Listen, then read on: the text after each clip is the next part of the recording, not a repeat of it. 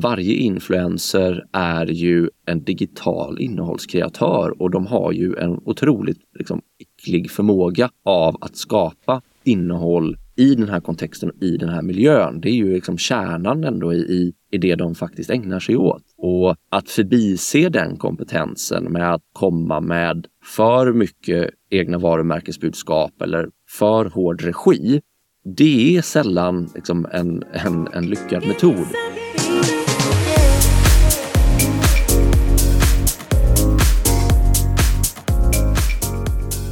Det där var Jonas Westling och det här är ett nytt avsnitt av Digital marknadsföring med Tony Hammarlund. Podden där jag intervjuar några av Sveriges främsta branschexperter och marknadsförare. I det här avsnittet pratar jag influencer marketing med Jonas Westling och vad som krävs för att lyckas med kanalen under 2024. Jonas är Head of Agency och en av medgrundarna till influencer marketingbyrån Nine Agency, som bland annat blev årets byrå under Influencer Awards 2023.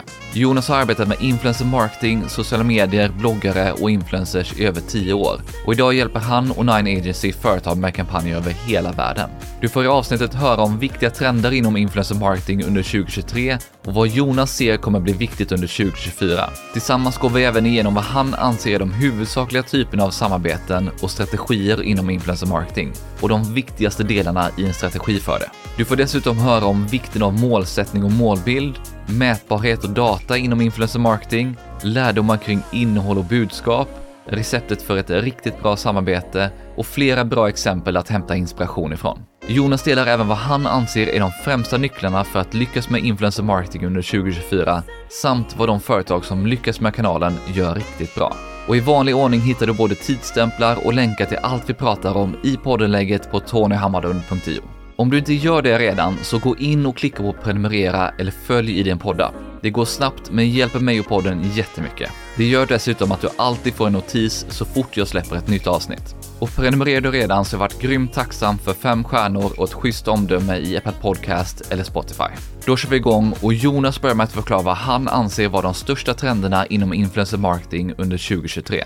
Jag skulle väl nog säga att om vi startar kanaler till exempel så är ju TikTok en väldigt given trend och den har ju varit på allas läppar de senaste åren. Men jag tycker att man under 2023 tydligt började märka också behovet hos annonsören och att nu vågade allt fler ta steget ut på TikTok.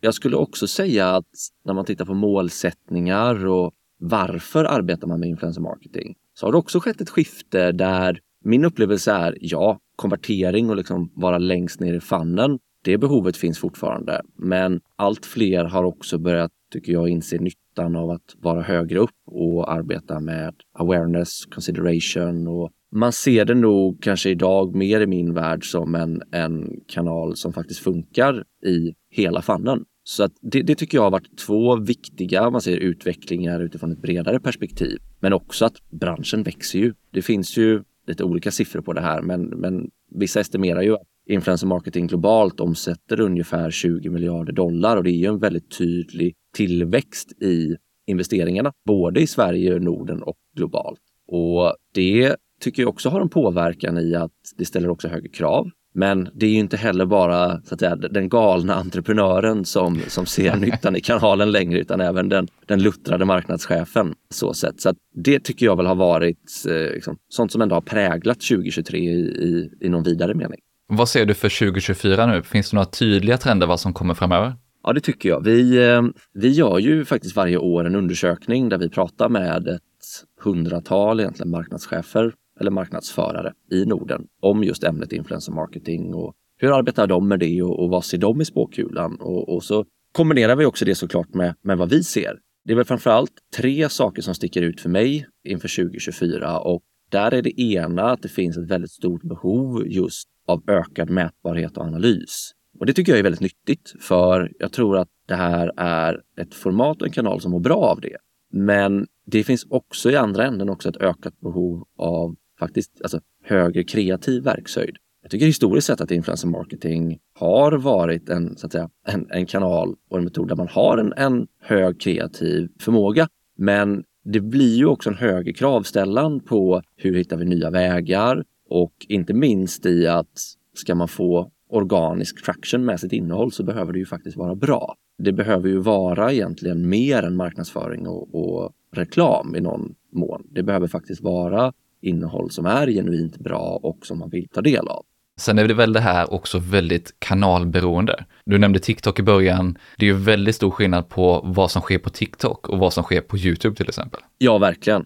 Verkligen så. Och TikTok är ju faktiskt också, jag menar, det är nästan den mest givna trenden av dem alla och det är klart att man ser en fortsatt tillväxt i till, eh, TikTok 2024. Men det är ju också precis som du säger, en, också en kravbild där i att lyckas med ett samarbete för att man liksom har ju nästan ett ännu kortare attention span hos, hos mottagaren och du behöver vara ännu mer rapp, ha en sylvass hook för att det faktiskt ska fungera. Så att eh, visst är det så. Och här är det ju också, lite som du är inne på här, kanalanpassning överlag. Vi, vi kommer säkert återkomma till det här en hel del under det här samtalet tror jag, med just det här med också vad, vad har man för strategi för sin influencer marketing? Och att betrakta också varje kanal var för sig, för de fungerar ju faktiskt fundamentalt ganska olika. Och det behöver man ju verkligen ta i beaktande. One size fits all är ju inte kanske alltid en, en nyttig devis inom, inom det här fältet.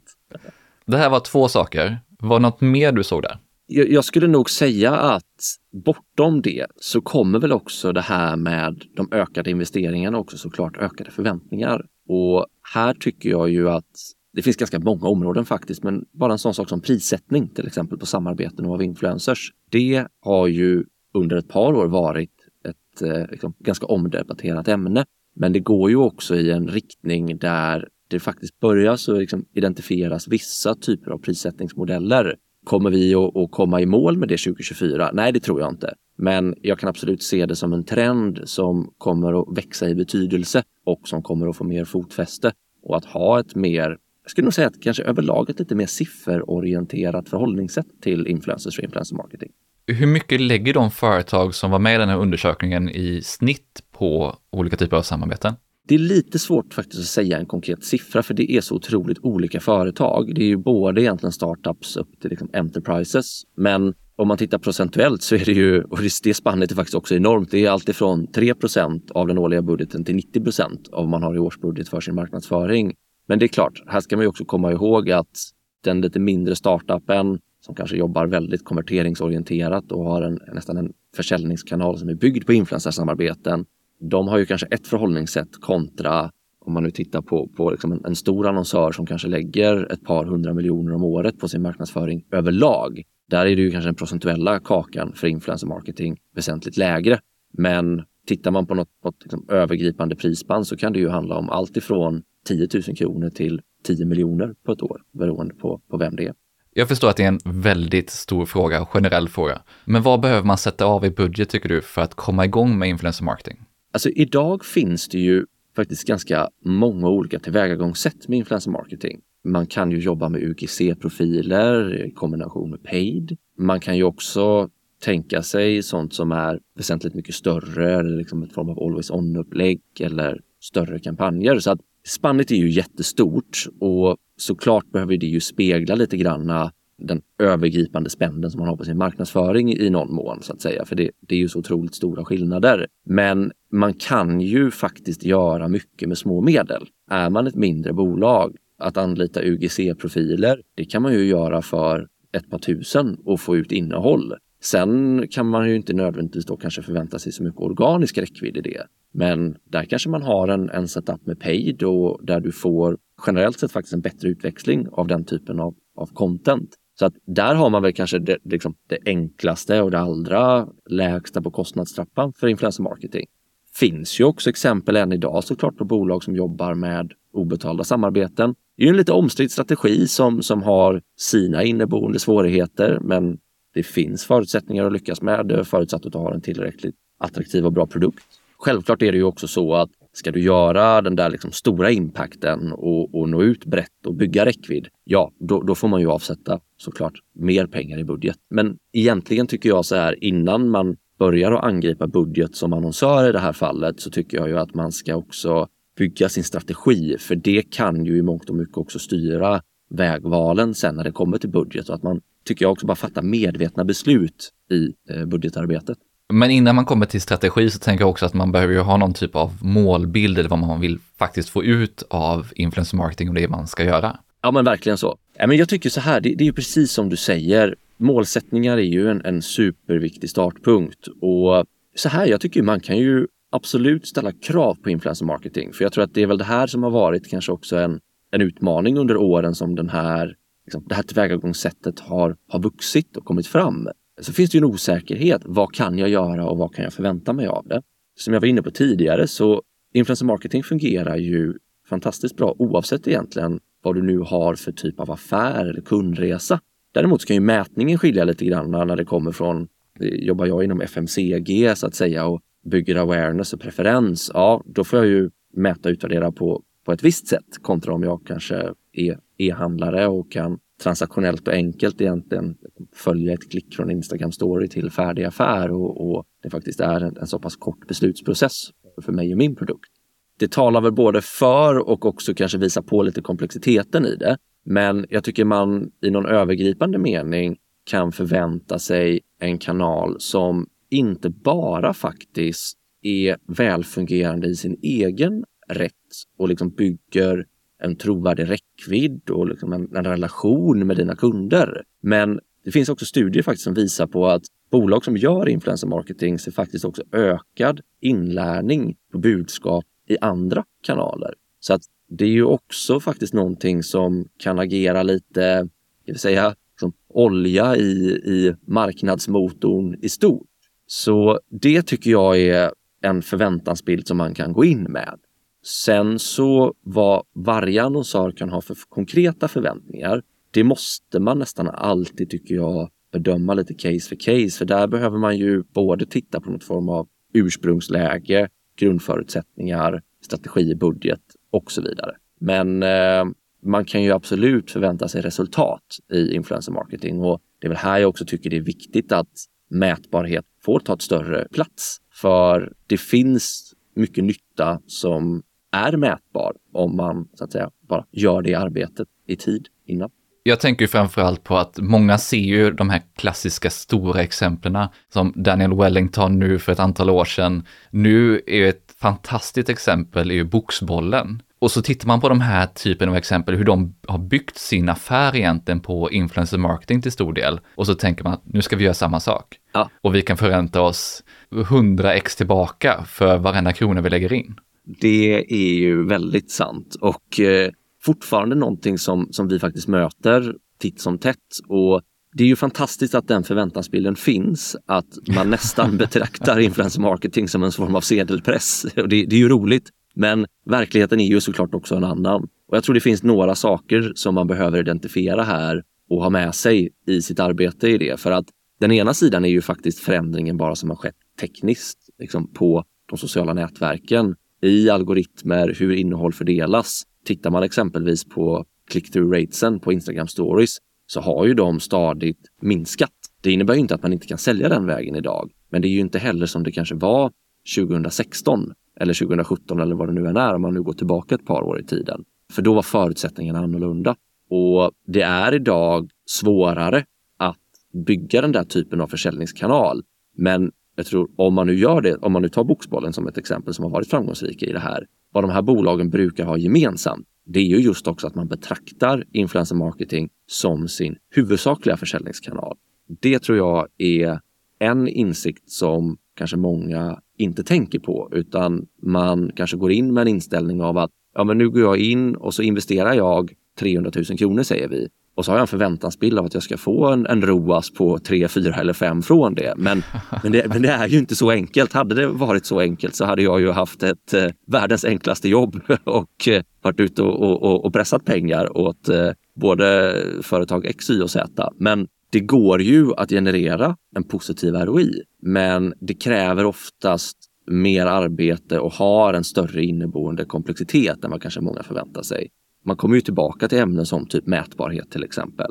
Hur, vad har vi för möjligheter till attribution och vad har vi för förutsättningar i produkten? Det är ju ytterligare en dimension i det här om man ska titta på Boxbollen som, som ett framgångsexempel. Jag menar, de har ju en unik och otroligt liksom, bra produkt som är väldigt också vänlig i den här kontexten där det också går för kreatören får ju en låg tröskel att skapa roligt innehåll och ett samarbete som inspirerar, engagerar och får med sig följaren. Så att det är ju det här, det, det är ganska många parametrar att bygga in i försäljningsdrivande influencer marketing.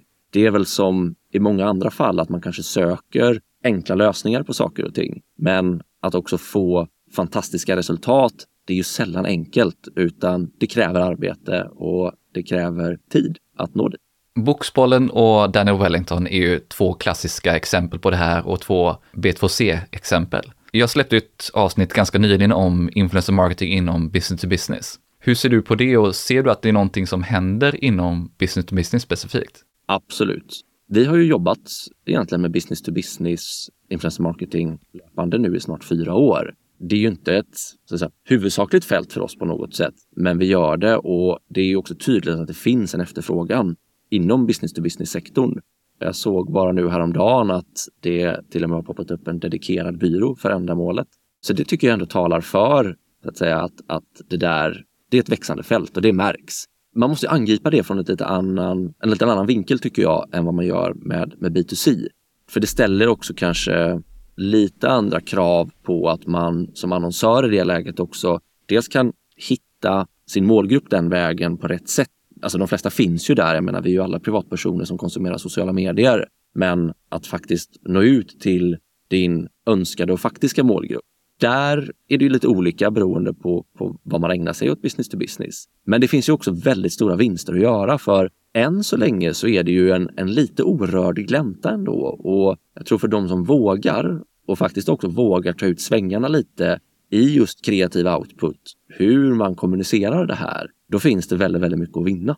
Det, det skulle jag säga är, är tydligt. Men jag tror viktigt här just att återigen, vi kommer tillbaka till nyckelordet strategi och budget och sådär. Men det är både här tycker jag väldigt viktigt med målsättning, men också målgrupp och att hitta rätt kreativ approach eh, för att lyckas med business to business eh, specifikt. Om vi pratar lite strategi då.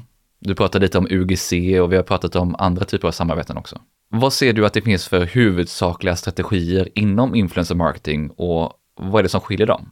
Ska man liksom dela upp det bara lite enkelt så, så finns det ju dels kampanjer och kampanjer kan vi väl definiera egentligen som en kommunikationsinsats som är begränsad i tid och tycker jag i allmänhet syftesdriven. Till det så har vi ju också såklart ambassadörer och där kan vi ju titta då på de här lite mer långsiktiga samarbeten, samarbetena med specifika influencers.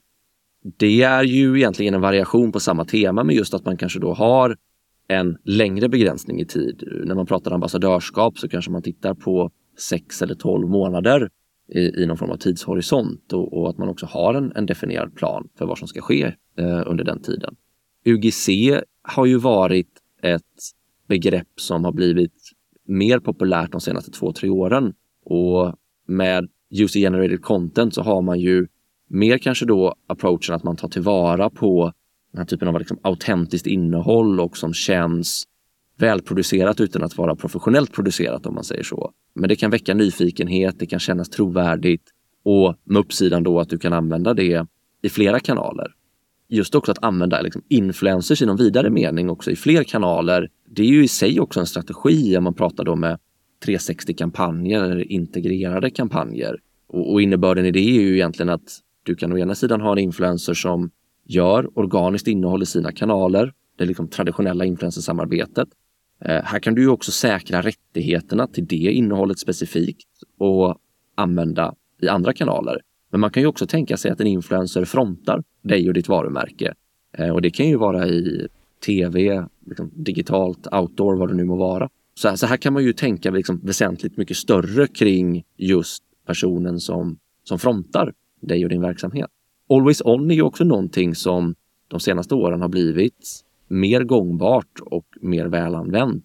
Och jag tycker det är väldigt bra för verksamheter som vill jobba väldigt målorienterat och, och jobba mot väldigt specifika mål. Och det kan vara oavsett egentligen om det nu är konvertering eller liksom varumärkeskännedom, men att man här får man ju möjligheten just av att arbeta kontinuerligt månad för månad och alltid ha influencersamarbeten. Det skapar ju också förutsättningar för mätbarhet, datainsamling, optimering på ett sätt som är mer egentligen och bättre bättre än vad man kanske får jämfört om man nu kanske gör en kampanj under en månad.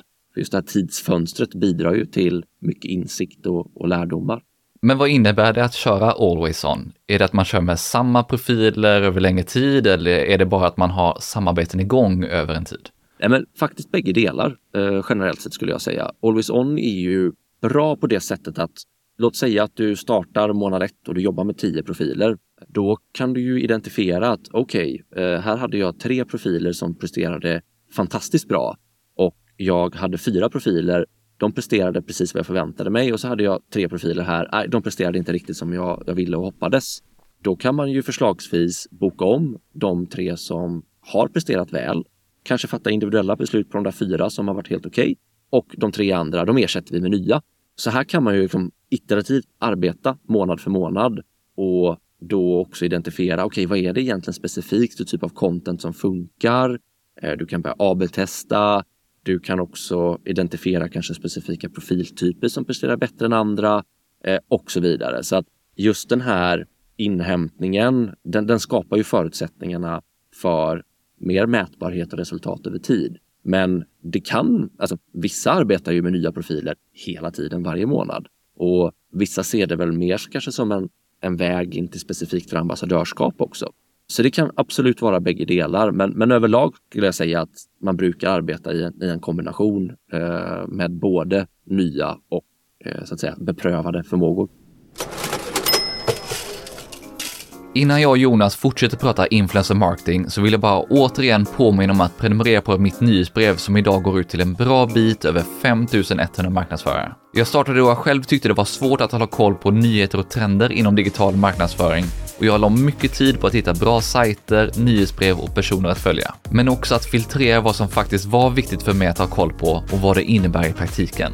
Så jag skapade ett nyhetsbrev där jag och fem av Sveriges ledande experter inom sina respektive områden väljer ut det viktigaste och ger våra analyser om vad det betyder för marknadsförare i Sverige. Så istället för att följa en mängd olika sajter, nyhetsbrev eller andra källor så får du det viktigaste kurerat och analyserat så att du slipper. Och på svenska dessutom. Signar upp gör du enkelt på min webbsida och du hittar även länk i poddenlägget. Och prenumererar du redan så är jag grymt tacksam om du tipsar andra om nyhetsbrevet. Då hoppar vi tillbaka in i intervjun och fortsätter prata influencer marketing.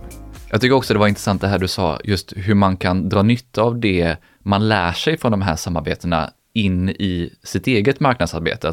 Du kan ju se det här som man lär sig på flera olika sätt, men inte minst att testa budskap. Och om man lämnar en brief som gör att kreatören eller influencern kan ta ut svängarna lite, att också kunna få lite data därifrån, att de testar vad de ser funkar. Och om det då funkar väldigt bra, då kan man ju också ta med det in i sitt eget företag. Ja, men exakt så är det. Och det är det som är kul och som jag tycker ofta är kanske en sån där skillnad som vi behöver prata med våra kunder om eh, som inte kanske har arbetat så mycket med influencer marketing historiskt. För jag tycker det är en viktig skillnad jämfört med andra kanaler, just det här att våga ta ut svängarna som du säger och också lämna en frihet till kreatören att få tolka det du vill säga på sitt sätt och prata på ett sätt som så att säga rimmar väl med deras följarskara och vad man kan förvänta sig av kreatören generellt sett. Ju mer du vågar göra det, desto bättre tenderar det att bli. Och det finns ju otroligt mycket lärdomar i det. Men också så blir det, det tenderar också att leda till bättre resultat. Så att vi, vi har en kund som vi jobbar med. De är väldigt sådär, dels har de en väldigt gedigen struktur i sitt arbete med influencer marketing. De har väldigt mycket mätbarhet på plats, men de arbetar också med influencer marketing i ganska stor skala. Så de har ju byggt insights, inte bara i Sverige eller i Norden utan också liksom på flera marknader. De vågar ju som en konsekvens också ta ut svängarna väldigt mycket.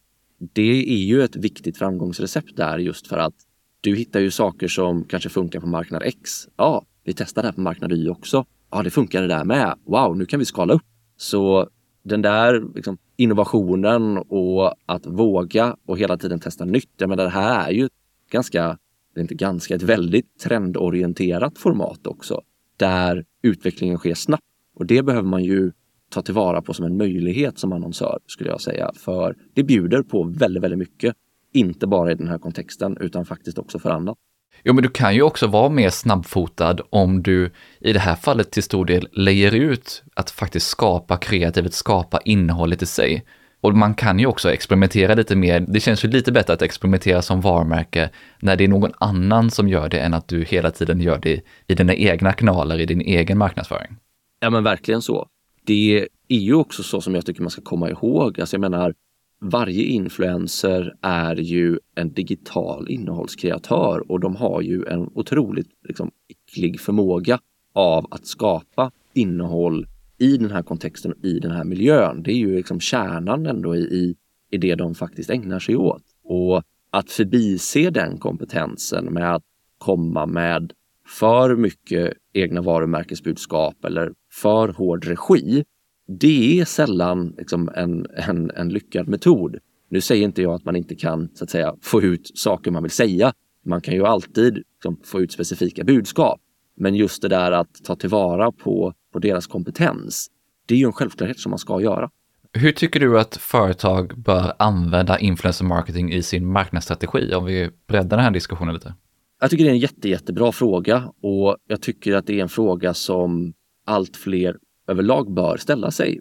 En startpunkt här, det är nog just det här att börja fundera på, okej, okay, men vad ska influencer marketing göra för oss? Och hitta sitt varför kan vi väl liksom tratta ner det till. Och det väcker ju andra frågor såklart. Alltså hur, hur ska det förhålla sig till våra övriga medieval? Hur ser vår kundresa ut och, och vad ska våra målsättningar då vara? Hur säljer vi generellt sett våra produkter? Det här kommer ju tillbaka lite till det du var inne på tidigare. att Här kanske många tänker att jo, men just det, man kan ju sälja massa via influencers. Så då gör vi det också. men så har man inte alls en sån kundresa eller produkt som egentligen passar riktigt för det syftet utan det kanske är mycket mer framgångsrikt av att jobba varumärkesorienterat och jobba med, med kännedom eh, genom, genom influencers. Så det tycker jag är, är den ena sidan av det. Sen är det ju också så att influencer marketing är ju som allra starkast mot generation Y och Z. Och där har vi ju ett spann på någonstans liksom 20 till 40 år. Eh, sen växer ju också det här väldigt mycket uppåt i åldrarna. Det är väl eh, såklart en utveckling där vi också ser en ökad efterfrågan också från varumärken i, i liksom segmentet eh, 50 plus faktiskt. Men för diskussionens skull så tycker jag ju att vill vi prata med målgruppen 20 till 40 år om våran produkt, då eh, tycker jag ju att det här är absolut någonting som man måste prata om i sin strategi och inkludera. För där är liksom, generation Z och Y har ju också ett annat förhållningssätt till traditionell reklam och där är influencers en väldigt, väldigt gångbar metod. Men är man en, så att säga, en mediaköpare i en vidare mening, där man faktiskt liksom, köper flera kanaler, tycker jag ju absolut att man också ska liksom, se på det här samspelet egentligen. Och också att man ser en inkludering av en kanal där du liksom, unikiteten finns ju i influencer marketing mycket i just det här med trovärdigheten. Och att du får en tredje part som legitimerar dig och det du säger. Men också att du bygger en mänsklig relation där du inte bara är varumärket som är ute och kommunicerar utan det blir ju faktiskt ett ansikte på, på dig och din organisation. Så jag tycker man inte bara ska tänka transaktion i strategiarbetet utan också relation. Du var inne på det i början, men det som jag framförallt har sett det är ju att vi har gått väldigt mycket från att det är väldigt konverteringsdrivet, det är i princip affiliate-marknadsföring vi håller på med i influencer marketing, till att vi faktiskt gör awareness-kampanjer på ett helt annat sätt. Att vi, självklart så jobbar vi mycket med konvertering i influencer marketing, men det finns också med i alla de andra delarna av funnen eller kundresan. Nej, men precis så. Affiliate står ju väldigt starkt också än idag och, och finns ju som en komponent i det här. Men det är verkligen så, det blir väl liksom en naturlig konsekvens tänker jag också att allt fler bolag börjar använda sig av influencer marketing. Alla bolag har sina produkter, sina tjänster, sina kundresor. Och det är väl det som är så himla, tycker jag, spännande också att arbeta med den här kanalen för att det går alltid att hitta en väg. Men varje strategi, varje kreativt koncept, ah, det behöver vara unikt, men det går att hitta den där vägen. Man behöver någonstans bara, vad ska man säga, ibland är den rakare och ibland är den lite krokigare. Men eh, det är ju det som är kul och eh, just att ja, men, man hittar det här för att det är en kanal för alla skulle jag säga. Jag, jag har ju till och med, apropå temat liksom, business to business, suttit i diskussioner med industriföretag som säljer liksom, tunga industriella maskiner som, som skär sönder saker med högtrycksvattenstråle. och jag tycker det är fantastiskt att ett sådant bolag ser möjligheterna med influencer marketing. För det här kanske historiskt sett är någonting som man förknippar i mångt och mycket med kosmetik, skönhet, mode. Men skalan är ju enormt mycket större eh, hela vägen bort till liksom den, den tunga industrin idag. Då blir det väldigt många olika strategier och tillvägagångssätt i den skalan. Om vi fortsätter på strategispåret, vilka är de viktigaste delarna inom en strategi för influencer marketing? Vi har ju berört det lite kort och jag tycker det är den bästa startpunkten överlag. Just det här syftet och målsättningen.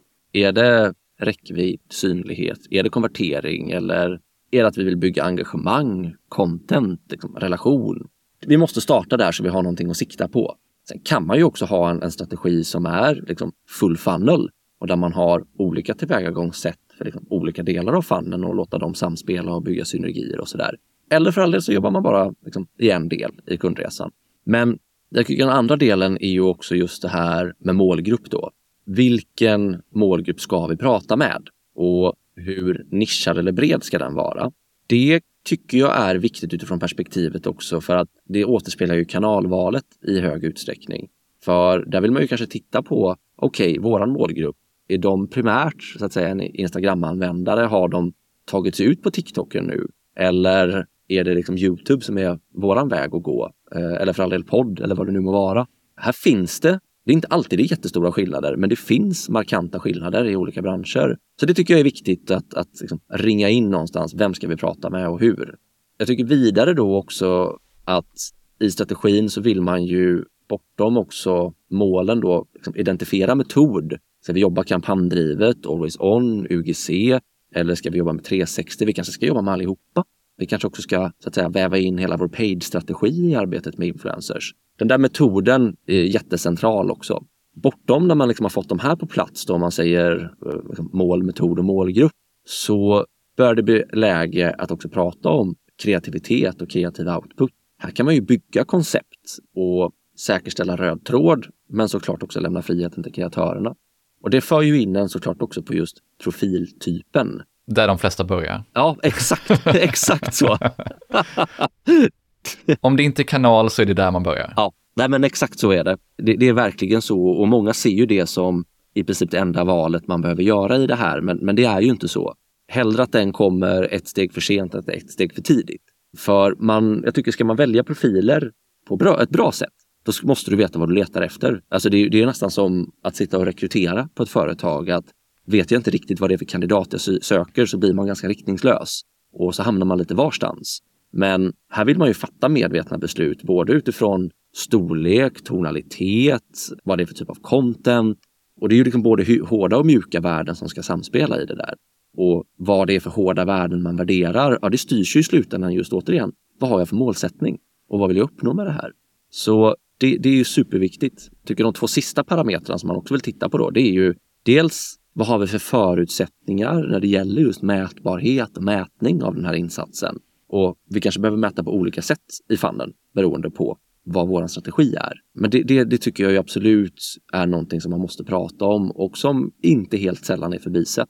Och sen slutligen då budget som någonstans då tycker jag i en ideal värld får bli dikterad av vad vill vi uppnå och hur ska vi göra det här? Och liksom, vilka metoder har vi valt och som vi ser kan ge ett resultat för oss? Där tycker jag väl är de viktigaste huvudingredienserna för det här. Jag tycker ju att det här är en lite undervärderad fråga faktiskt. Jag tycker man ganska ofta möter företag som just hamnar i det här läget att man arbetar lite riktningslöst och köper influencers just utan att ha de här besluten förankrade i någon form av liksom övergripande plan. Och då blir det lätt ganska rörigt. Jag tror inte det kanske egentligen är unikt för influencer marketing specifikt. Det, det, kan ju hända i många olika grenar, men det är nyttigt att göra det där grundarbetet för att du kommer att få bättre resultat och utfall den vägen. Så är det helt klart. Jo, men det är ju svårt, tänker jag också, att experimentera på ett framgångsrikt sätt med influencer marketing, för det är så många variabler som gör att man blir framgångsrik med det. En del andra kanaler eller andra taktiker, där är det ju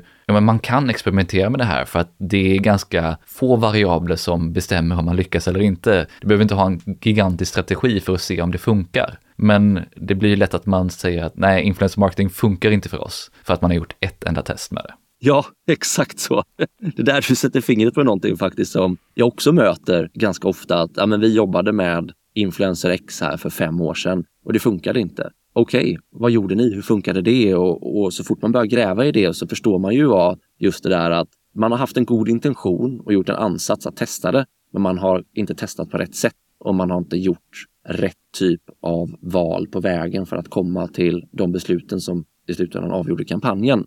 Det, det är inte helt ovanligt och å andra sidan så kan det också vara att man jobbar i stor skala men man har då inte heller identifierat de här framgångsfaktorerna och man kanske inte heller aktivt riktigt arbetar för det. För det är precis som du säger, det är otroligt många variabler. Är det här kopplat till profiltypen eller är det liksom storleken på profiler? Är det kopplat till kanalen? Är det kopplat till budskapet, kommunikationen? Erbjudandet. Erbjudandet, precis. Produkten. alltså vad, vad är det? det? Det är ett pussel att lägga. Men det blir ju mycket lättare att utvärdera det där också, faktiskt när man också tänker på mätningen från början, men också att man har tydligt för sig, okej, okay, vilka parametrar är det? Så man ställer dem mot varandra och, och man ja, men lite har på den där ska vi säga, utvärderings och testhatten redan från början och inte hamnar i en ad hoc situation där det bara finns tusen variabler att titta på och det är jättesvårt att identifiera. Utöver att ha en strategi på plats, vad anser du annars är de främsta nycklarna framöver för att lyckas med influencer marketing under 2024 och framåt? Nej, men jag skulle nog säga att här gäller det ju absolut tycker jag att titta faktiskt på det här med, med mätbarhet. Det tycker jag är en, en superviktig nyckel. Vad innebär det då? Vad är det man behöver göra kring mätbarhet? Ja, men jag tycker att det, det är väl det här just att titta på, okej, okay, om vi nu ska ta ett case kanske som är lite svårare när det kommer till mätbarhet. Liksom vi, vi jobbar med awareness som huvudsaklig målsättning för vår influencer marketing. Hur kan vi mäta det? Dels kan man ju titta på liksom rena kampanjorienterade kopior utifrån någon form av kanske share of voice i målgruppen, antal exponeringar, hur har det presterat utifrån vad man kan förvänta sig av den här typen av influenser. Men det kan ju också vara att man vill titta specifikt i sin målgrupp när det kommer till kännedom, preferens etc. och ta in extern hjälp rent av bara för, för syftet mätbarhet. Det tycker jag är, är superviktigt. Men jag tycker också en, en superviktig nyckel för influencer marketing 2024, det är också just den kreativa outputen i samarbeten. För det är en, en jättecentral nyckel för att ditt innehåll ska lyckas. Återigen, våga ta ut svängarna, våga lyssna på kreatören, men också hitta liksom, den kreativa nyckeln i hur kan du sticka ut och hur kan du göra sånt som faktiskt engagerar och inspirerar. Det här med reklam och jag menar den uttalade negativiteten kring reklam och sådär, den är ju reell. Men här finns det ju en fantastisk möjlighet att liksom komma under också, ska vi säga, liksom annonströttheten och, och den där radan som vi som konsumenter har i att filtrera budskap. Men då måste du göra det på rätt sätt. Att våga vara kreativ, det tycker jag är, är superviktigt. Så, så det, det, tycker jag är två viktiga nycklar för influencer marketing 2024. Men också skulle jag säga att våga också göra nytta det här är ju en miljö där utvecklingen sker ganska fort. Alltså tittar man, om man tittar på våra undersökningar som vi har gjort de senaste åren, eh, om vi nu tar TikTok då som ett exempel, så 2021 så svarade en knapp fjärdedel av respondenterna att de hade använt TikTok i ett samarbete. Men idag är den siffran 52 procent. Så att det har ju mer än dubblerats på två år och den siffran kan man ju anta fortsätter växa. Så att där gäller det ju också att fortsätta våga förändras och testa nya saker. Och det gäller ju inte bara kanal utan det gäller ju också vad vi gör, hur vi gör det. Det kanske är så att i år ska vara året där vi också börjar utvärdera en UGC-strategi eller det kanske är så att vi ska göra ett skifte från att göra fyra kampanjer på ett år till att växla till en horisontstrategi. Jag tror just det här att våga förnya, det är viktigt för man har inte riktigt tid och råd att sitta still för mycket i samma sak.